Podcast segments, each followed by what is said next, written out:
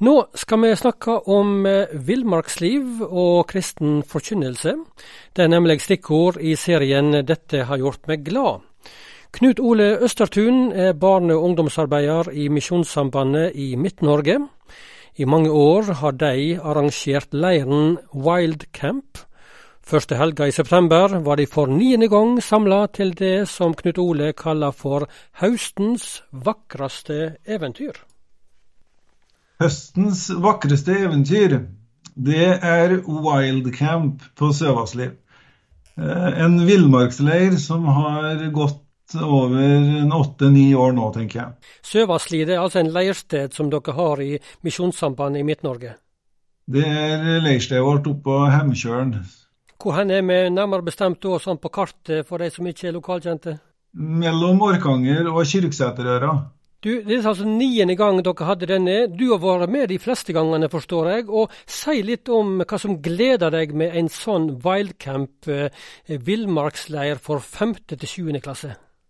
Jeg er veldig glad i naturen eh, og setter stor pris på å få være eh, ute i naturen. Da. Og wildcamp, som da skal være en leir ute i naturen, er jo midt i blinken uh, for min del. Eh, og når du får kombinert det med å vitne om Jesus for 5. til 7. klassinger, så kan det nesten ikke bli bedre. Hvordan er opplegget rundt ei sånn helg fra fredag til søndag på Wildcamp? Vi begynner inne på fredagskvelden eh, med en sånn liten oppvarming til det vi skal gjøre eh, lørdagen og søndagen. Og så fort bibelsamlinga er over lørdag formiddag, så trekker vi ut. Eh, og da er tanken å være ute til søndag formiddag, når vi kommer opp igjen til Søvassli. Da skal vi eh, ligge ute, vi skal gå på do ute, vi skal gå ute. Vi, ja, alt skal foregå utendørs. Og da har dere en eh, leir dere lager dere til der med, med telt, lavvo og den slags, eller? Vi ordner oss en eh, campsite da, hvor vi slår opp lavvoer og telt. Eh, lager latrine, sånn at det skal ikke bli helt uoverkommelig for en del å gjøre sitt fornødne. Eh, og så har vi aktiviteter i området. Eh, padling, sykling, vi går, eh, bader, fisker. Ja, det, rappellering ned i elvejuv og Ja, mulighetene er mange.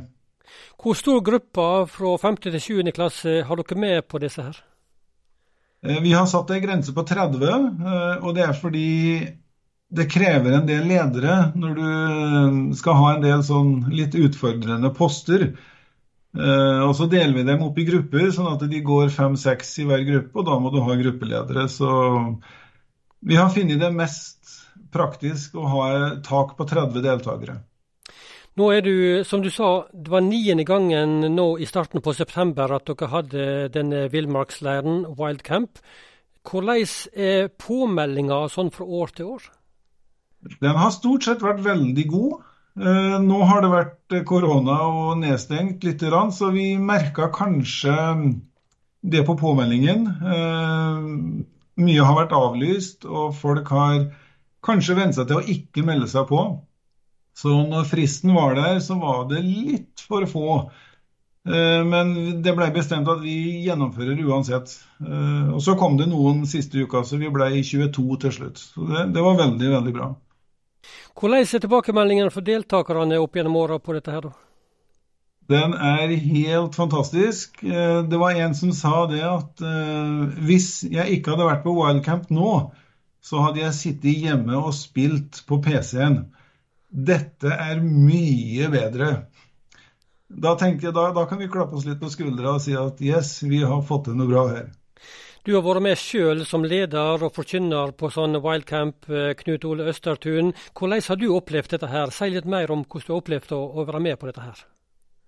Ja, jeg syns det er helt fantastisk. Nå i år så lå jeg under åpen himmel og kikka opp på stjernene og hørte bålet knitre i bakgrunnen. Eh, du har en veldig Det er veldig spesielt eh, når du er ute med unger på den måten. Du kommer eh, innpå dem på en helt annen måte enn på en vanlig leir. Du går med dem i skogen, og du padler med dem. og det er utrolig hva som åpner seg opp i forhold til samtale da, om det meste.